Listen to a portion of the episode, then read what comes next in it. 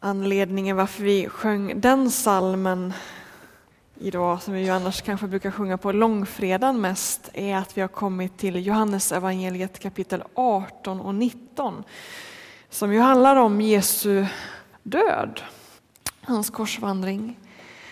Eh, under sommaren så har vi ju gått igenom Johannes evangeliet. Idag är det sista gången och ni som har lite koll på Johannes evangeliet vet ju att det finns ju två kapitel till. Och, och lite utrymmesskäl så valde vi att hoppa över dem för utifrån de kapitlen predikade både jag och Sofia Bengtsson under nattvardsgudstjänsterna i våras. Så vi stannar där med kapitel 19 och nästa vecka eller på söndag börjar en ny predikoserie som heter Bestulen. Och vad den handlar om får ni reda på då. Som sagt, kapitel 18 och 19 i Johannes evangeliet handlar om Jesu död. Hur han blir fängslad, förhörd och dömd och sedan avrättad. Och jag har i två veckor grubblat över vad ska jag välja i den här rika textmassan. Det finns så mycket liksom att dra i. Stycken att fördjupa sig i, teman. Vad ska jag välja? Och till slut landade jag i en väldigt, väldigt udda vinkel, tycker jag själv. Och det är, temat för den här predikan är vad ska vi ha de här texterna till? Alltså, jag ska inte lägga ut texten så mycket, eh, vad det här betyder och vad som sägs i de här två kapitlen, utan ställa den här lite mer funktionella frågan, vad ska vi ha den här berättelsen till? Eh, berättelsen om Jesu korsvandring. I Nya Testamentet så finns det ju fyra evangelier och alla ägnar ganska mycket tid åt att liksom skriva om det här och berätta den här händelsen, det här dramat. Jesu två sista dagar i livet. Och då är min fråga till dig här idag, hur umgås du med de här berättelserna? Vad är din relation till de här texterna? Hur umgås du med de här berättelserna? Och I vår tradition så har en specifik fråga styrt vårt umgänge med texter lik dessa. Eh, och för oss har korset primärt handlat om Jesus ställföreträdande död. Att han tog vår plats, att han tog vårt straff, att han tog våra synder på sig. Alltså att korset förmedlar försoning. Det är liksom vårt perspektiv in i de här texterna. Det är vad vi har dem till för att läsa om detta. Ehm, och vi läser för att eh, bli tacksamma, tacksamma för frälsningen, för försoningen och för förlåtelsen. Och det är vad vi, vi söker efter när vi umgås med de här berättelserna. Att förstå, att bli tacksam, att, att bli berörd av den här djupa kärleken som liksom berättas om i de här berättelserna. Eh, och det är ett jättebra perspektiv. Eh, jag är glad att vi har det perspektivet, för, för Jesus dog verkligen för våra synder. Eh, han tog verkligen våra synder på sig. Och korset förmedlar verkligen försoning, så det är sant. Det är bra. Det är, det är verkligen någonting att vara tacksam för. Men det finns så många fler ingångar i den, här, i den här texten, i den här berättelsen. Det finns så många olika perspektiv. Den är så rik på innebörd. Eh, och jag är övertygad om att, att, att mycket av det som de här texterna vill förmedla, berättelsen om Jesu död, eh, blir så mycket bättre om du på egen hand får upptäcka det än om jag står här och, och pratar och föreläser och utlägger och predikar. Det är min övertygelse. I två år i rad så har jag lett retriter på Vättershus eh, det har varit församlingsmedlemmar och lite folk runt församlingen som har följt med på det i februari. Eh, och nästa februari igen så finns det möjlighet att följa med till Vättershus. Eh, och på de här retriterna så har jag blivit inspirerad av någon, en man som heter Ignatius av Loyola. Eh, och han har skrivit en, en, en handbok för retreatledare, skriven på 1500-talet och den är jättetråkig och konstig. Och liksom, läs inte den, den är väldigt, väldigt byråkratiskt skriven med punkter och kommentarer och anmärkningar och grejer. Så det är ingenting man läser. Men, men jag skulle vilja dela med mig av ett litet citat i den här boken som ändå är rätt bra. Ehm, han säger så här i inledningen. Ty det är inte den myckna kunskapen utan inlevelsen och smaken av tingen inifrån som mättar och tillfredsställer själen. Jag tar det igen. Det är inte den myckna kunskapen utan inlevelsen och smaken av tingen inifrån som mättar och tillfredsställer själen. Alltså, den kunskap som jag i en predikan kan förmedla kan inte tillfredsställa din själ på djupet.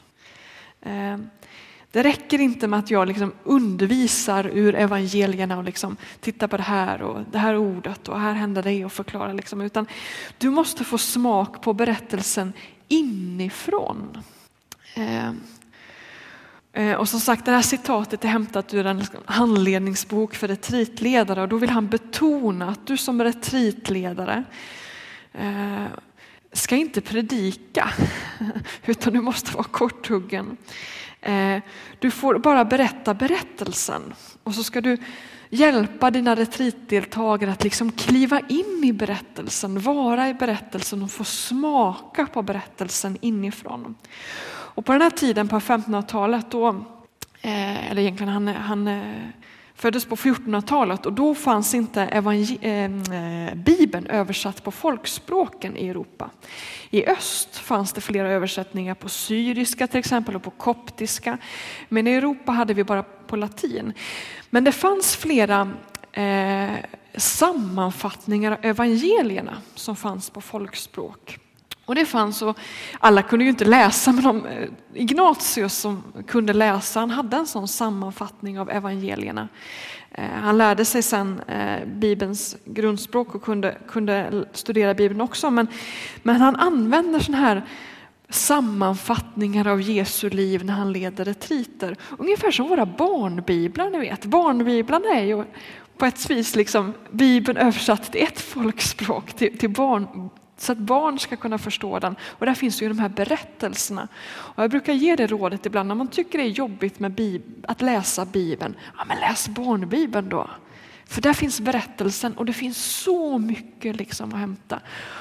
Och här på valborgsfirandet så, så, så dök jag upp då och då på estraden där och, och hojtade om en barnbibel som, som finns där ute på bokbibeln som, som Ylva Eggehorn har skrivit. Och den, är, den passar både barn och vuxna och den skulle jag verkligen re rekommendera dig om du tycker det här med bibelläsning är tufft. Ja, men köp den och kliv in i berättelserna. Eh, för det är berättelsen om, om Gud, om Jesus och det kan ge så mycket. Eh, och då säger då Ignatius att amen, det räcker med att du berättar berättelsen och så ber du dina retreatdeltagare att, att kliva in i berättelsen och då får man mat för sin själ. Så här står det i evangel eh, Johannes evangeliet 1 i inledningen. Eh, kapitel 1, vers 18. Ingen har någonsin sett Gud. Den enda sonen, själv Gud och alltid nära Fadern, han har förklarat, för, förklarat honom för oss. Evangelierna de innehåller ju två saker. De innehåller tal av Jesus och tal om Jesus.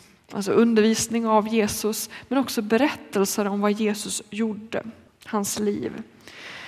Ehm, så evangelierna, Jesus förklarar vem Gud är både genom sitt tal, när han undervisar, speciellt i Johannesevangeliet så, så pratar han väldigt mycket om vem Gud är och treenigheten och olika saker. Men, men han visar också genom sitt liv vem Gud är. För han är ju Gud. Han visar, sån här är Gud. Så när vi läser berättelsen om korset, då kan vi inte bara läsa utifrån frågan hur ska jag bli frälst? Det är också en viktig fråga och, och de här berättelserna svarar på det. Men vi måste också ställa frågan, vem är Gud? Det är också ett perspektiv in i den berättelsen. Vem är Gud? Eh, jag är övertygad, övertygad, personligen är jag övertygad om att, att Gud kunde frälst världen på ett annat sätt om han ville. Men nu valde han den här vägen. Och han valde den här vägen för att det var den väg som passade hans karaktär, hans väsen på bästa sätt. som på bästa sätt liksom kunde visa sån här är jag. Så korset är liksom ingen så sista nödlösning utan den säger verkligen någonting om vem Gud är. Han valde den här vägen och Jesus är, är tydlig med det i Johannes evangeliet att det här, jag faller inte offer för omständigheterna utan det här är en väg jag har valt. Och det här säger någonting om vem han är. Så ett sätt att ta reda på vem Gud är, det är att kliva in i berättelsen och försöka se och ta in och tänka, oh, sån här är Gud. Det finns ju, förutom barnbiblar så finns det ju filmer man kan se på. Ni vet vår församlingsplantering, eller vi är moderförsamling för en församling i i, i Skäggetorp och under påsken så delade de ut en massa Jesusfilmer i Skäggetorp i brevlådan med undertexter på massa olika språk så att man liksom skulle kunna få ta del av den berättelsen. Och vi har bett mycket för de där filmerna att de ska bära frukt. Och det är ett sätt att, att, att se på film, att kliva in. Eh, men jag tror att ett ännu bättre sätt, om man verkligen liksom ska suga musten ur den här berättelsen, det är att använda sin fantasi faktiskt och liksom kliva in i den här filmen på egen hand. När, när jag var barn så, så kom det här med VHS-kassetter och video. Och, och, min mamma har alltid eh, varit förtjust i ny teknik så vi skaffade det tidigt. Vi hade video tidigt i min familj. Ni som är unga, det är ungefär som DVD-filmer. Gammaldags. Eh, men vi fick bara se, det här var ju så nytt, så vi, här, vi fick bara se på video på helger och när vi var sjuka. Men min bror tyckte väldigt mycket om film och han hittade ett annat sätt att ta del av de här filmerna och det var att kliva in i dem i sin fantasi. Han var ungefär i sexårsåldern när man kunde fråga honom, han liksom bara satt eller låg ner på sin säng och så frågade man vad gör du för någonting? Och så sa han, jag ser på film. Och då, då såg han där, vi, man, vi hade ju inte så många filmer, men man såg dem många gånger. Han liksom kunde det och han, han var i den berättelsen för sitt inre öga. Um, och det där är ju vad vi liksom försöker göra under vårt påskfirande här i Ryttargårdskyrkan, sen jag blev pastor här. Då har vi liksom försökt kliva in i berättelsen genom att möblera och läsa texter och se på filmklipp och, och hålla på med olika grejer och sådär. För att liksom få kliva in i berättelsen med hjälp av fantasin och vara i berättelsen för att ta reda på vem är Gud? För att vi ska få smaka på berättelsen inifrån. För det är det som kan tillfredsställa vår själ. Att smaka på berättelsen inifrån. Eh, och nu tänkte jag att, att vi skulle göra det i den här predikan.